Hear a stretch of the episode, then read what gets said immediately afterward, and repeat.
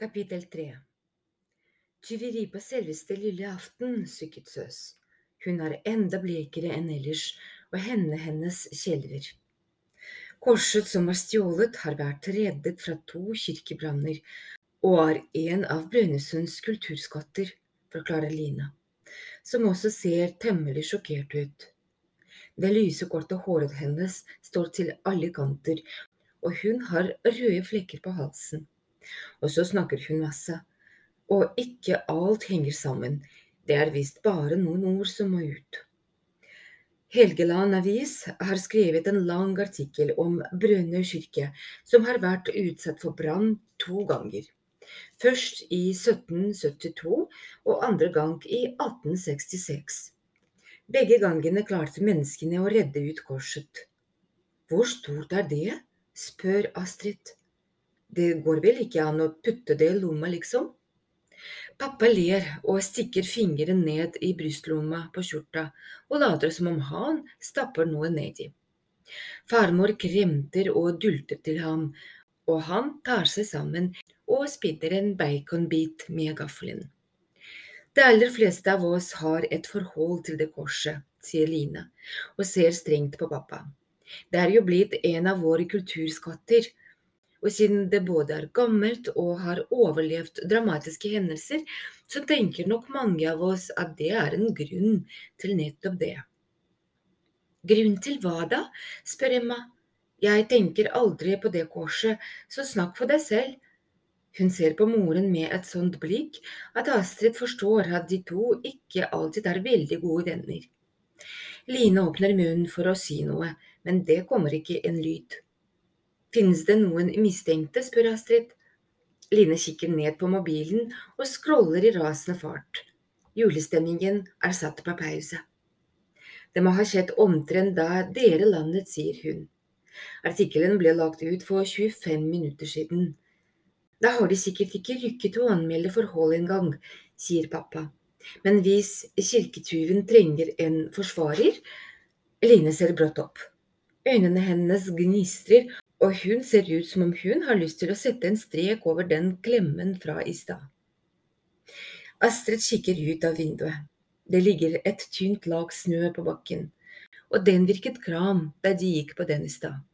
Så kanskje tyven har satt igjen fotspor som de kan ta bilde av før det tynne snølaget regner bort. Er det noen som har lyst til å gå ut en tur, spør hun. Ingen svarer, men pappa ser på henne på en sånn måte at hun vet at han vet hva hun ønsker på. Hun napper til seg den grønne genseren og forsvinner ut i gangen. Knytter vintersovlene i rasende fart. Det kan jo ikke være så vanskelig å finne den kirken alene. Hvis bare Yusuf hadde vært her nå, da hadde han skjønt alt uten at de trengte å si noe høyt, og de kunne sikkert bevis og de kunne sikret bevis og kanskje kommet på sporet etter tyven.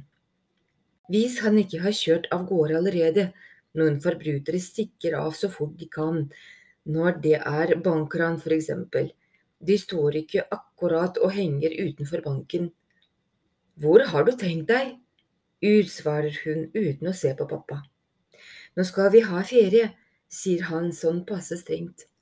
Og da trenger jeg frisk luft, svarer hun og prøver å se like streng ut. Kan jeg bli med? spør Emma. Snart står de på trappa, Emma, Egil og Astrid. Astrid strammer skjerfet i halsen. Det er minus én grad, men det er en annen type vin enn hjemme i Oslo, som liksom sniker seg forbi alt du kler på deg og helt inn til beinet. De rusler mot Brønnøysund barne- og ungdomsskole, der Egil og Emma går, mens Astrid lurer på hvordan hun skal få dem med på etterforskningen. Kanskje de syns detektivarbeid er kjedelig, det kan hun jo ikke vite før hun har spurt. Må du alltid krangle med mamma, sier Egil til søsteren. Gjør jeg vel ikke? Det er bare det at hun er en skikkelig kontrollfrik og liksom skal fortelle Astrid hva alle mener om det korset, enda hun ikke kan påstå at alle elsker det korset. Julegrana, enda hun ikke kan påstå at alle elsker det korset. Julegranen i en hage like ved krummer toppen i et skikkelig vindkast. Det er nesten som om treet lever, tenkte Astrid og smiler til alle lysene. Et lys for hvert bevis i saken. Det hadde vært noe. Tar det lang tid å gå bort til kirken? spør Astrid. Skal du kirka nå? Da går jeg hjem, sier Egil. Det holder at vi skal dit i morgen. Jeg tenkte mer på om det er fotspor i. Egil og Emma glor på henne, og hun setter i å le. Ikke stir sånn. Har du tenkt å leke detektiv? spør Emma. Ja. Nei, jo, på en måte. Jeg bare tenker at det kanskje har lurt å hjelpe politiet litt. Bør du ikke spørre politiet først? Er det ikke bedre om vi snakker med dem hvis vi finner noe? De setter opp farten.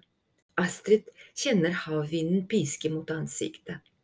Det er en helt annerledes vind enn hjemme i Oslo, for denne gir liksom blaffende klærne og bare vrenger forbi ul og ytterklær, og det er nesten så tennene klaprer litt.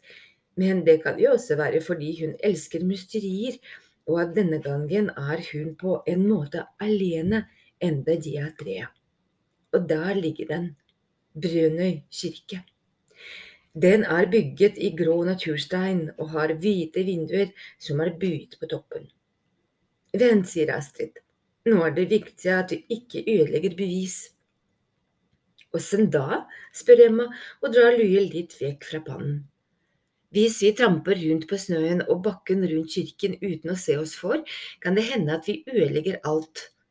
Hvordan skal vi kunne se noe om vi ikke kan gå dit? spør hun. Dust, sier Egil, vi må se først, deretter må vi gå. Astrid tenker seg om. De har rett begge to. Og hvis vi går helt inn, så kanskje vi blir mistenkt, og så blir vi arrestert på julaften. Kjenner dere noen som jobber der? spør hun. Laila på kontoret er venninne med mormor, sier Emma. Hun bor der. Hun peker på et hus på andre siden av veien, nedover mot gamle sentrum. Da går vi dit, sier Astrid. Jeg leste på nettet at korset er stjålet, sier Laila, som virker omtrent så gammel som mamma. Er det ikke grusomt? Laila ser enda mer lei seg ut enn Søs, med øyne som er røde, og så tørket hun neset hele tiden med et blonde lommetørkle. Astrid presenterer seg, siden de tross alt ikke har hilst tidligere, men så blir det helt stille inni hodet. Søren også, dette var kanskje litt vel impulsivt. Hun ønsker inderlig at Yusuf hadde vært der, for han pleier jo alltid å få henne ut av knipene hun lager. Men han er i Oslo, og nå står hun her med Egil og Emma, som kjenner Laila, men som ikke har vært med på etterforskning tidligere. Så de vet jo ikke hva man spør om. Dessuten bør de klare å spørre slik at Laila ikke forstår at de har tenkt å være detektiver. Og vet dere, det sies at det stammer fra 1400-tallet. Hva er det laget av? Det er laget av tre, og det er omtrent 50 centimeter høyt. Hvorfor spør dere? Øynene blir plutselig smale, og det føles ikke helt greit å stå der på trappa lenger.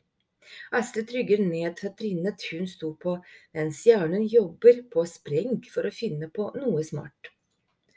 Er det, er det, er det dere som har tatt det? spør Leila. Absolutt ikke, roper Emma bak henne. Du vet vel at vi ikke er tyver? Vi lurte bare på hvordan det går med deg, siden vi trodde at det kanskje var du som fant det ut, sier Egil. Astrid ser ned i et forsøk på å skjule hvor lettet hun er. Emma og Egil er perfekte detektivkolleger.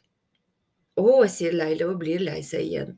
Det var jeg som oppdaget det først, og det var aldeles grusomt. Har du anmeldt tyveriet til politiet? Hun rister på hodet. Det må presten gjøre. De sier god jul, og Astrid tenker på at de Og Astrid tenker at det blir helt feil å si, men hva sier man liksom når alt ligger på tvers? Jeg synes det virket som om presten ikke ville anmelde, sier Emma. De står midt på kirkebakken og stirrer mot den store døra der presten kanskje befinner seg et sted innenfor, og jobber med prekenen til dagen etter. Astrid trekker mobilen opp av lomma og ringer Yusuf. Han svarer nesten med en gang, enda klokka bare er halv elleve. Det er ikke så verst, for han liker å sove lenge. Hun snur mobilen slik at både Egil og Emma kan hilse på ham, før hun forklarer med innestemme hva som har skjedd. Der skulle jeg gjerne vært, sier han. Dere feirer vel ikke jul, så da kan du jo bare komme, foreslår Egil. Vi feirer jul, men jeg skal sjekke. Astrid kjenner hvordan hjertet banker fortere. Tenk om Josef kan komme hit og være her i jula. Pulsen banker helt opp i ørene, som om alle julesangene spiller samtidig, uten at det høres helt vilt ut. Hun stirrer på skjermen, på det blide, morgentrøtte ansiktet, og plutselig er det som om det bare er de to i hele verden. Jeg savner deg, hvisker hun inni seg. Det blir litt drøyt å si det høyt, men de to andre rett ved. Men hun ser at han vet, for øynene hans blir sånn dype som de blir når det bare er de to sammen. Du kan dele rom med meg, sier Egil. Astrid og Emma deler allerede. Jeg skal spørre, svarer Yusuf, men først er det viktig at dere planlegger morgendagen. Planlegger julaften? spør Astrid. Forbrytere vender ofte tilbake til åstedet, sier han. Dere må sjekke hvem som kommer i kirken. Yusuf har helt rett. Vanligvis pleier de ikke å gå i kirken. Pappa mener det er mye bedre å ta seg en lang skitur og nyte stillheten og tenke over livet enn å sitte trangt og høre noe han ikke trenger å høre. Og mamma pleier å sove lenge og stå klar med rynkete fersk julekake og kakao når de kommer fra skituren etter at hun har vært i stallen og ønsker Rocky god jul. Hva med avtrykkene vi egentlig skulle lete etter, spør Emma. De bestemmer seg for å gå en runde rundt kirken. Ta litt god avstand og se om de ser noe. Det er jo tross alt ikke satt opp sperrebånd, noe som kan bety enten at politiet ikke fant det nødvendig, eller at politiet ikke har vært der ennå. Astrid tror det er det siste. De finner ingen spor i snøen og er i ferd med å gi opp, da de får øye på noe foran sidedøren på høyre side av hovedinngangen. Det er sikkert fra Laila, sier Egil. Tenk om det er henne. Hun innrømmer jo tross alt at det var hun som så det først, og kanskje det er Jugg, og det er hun som har tatt krusifikset. Dust, sier Emma. Hvorfor skulle hun gjøre noe sånt? Penger, sier han. Løse penger. Det er jo også en måte å stjele på. Å ta noe du ikke vil ha, og så be om penger for å gi det tilbake. Eller hun synes at hun tjener for lite. Astrid skal til å si noe da hun får øye på noe. Se, sier hun og peker. De går nærmere. Det er ikke bare det at det er et spor i snøen, det som virkelig betyr noe, er at de ser spor etter et par sko som går inn og ut, mens avtrykket fra noen andre sko som er mye større, går bare ut. Kanskje tyven er der inne inn hvisket Emma. De ser på hverandre. Tenk om tyven står rett innenfor døren og hører hva de sier. Astrid trekker forsiktig døra, men den er låst. Jeg ville stukket fra stedet dersom jeg hadde stjålet noe, sier Egil. Så jeg tror at det er de minste skoene som er tyven, for de går jo bare inn og ut igjen. De minste skoene ligner damestørrelse. Det er jo det jeg sa, påstår Egil. Det er Leila. Nei, sier Astrid, vi vet ikke om det er hennes sko, dessuten gråt hun for mye. Mormor gråter for ingenting, sier Emma. Hva jobber Laila med i kirken? Hun jobber på kontoret, svarer Emma. De rusler hjemover etter å ha tatt masse bilder. Astrid passer på å holde kammeret rett over avtrykket, for da blir det riktig størrelse.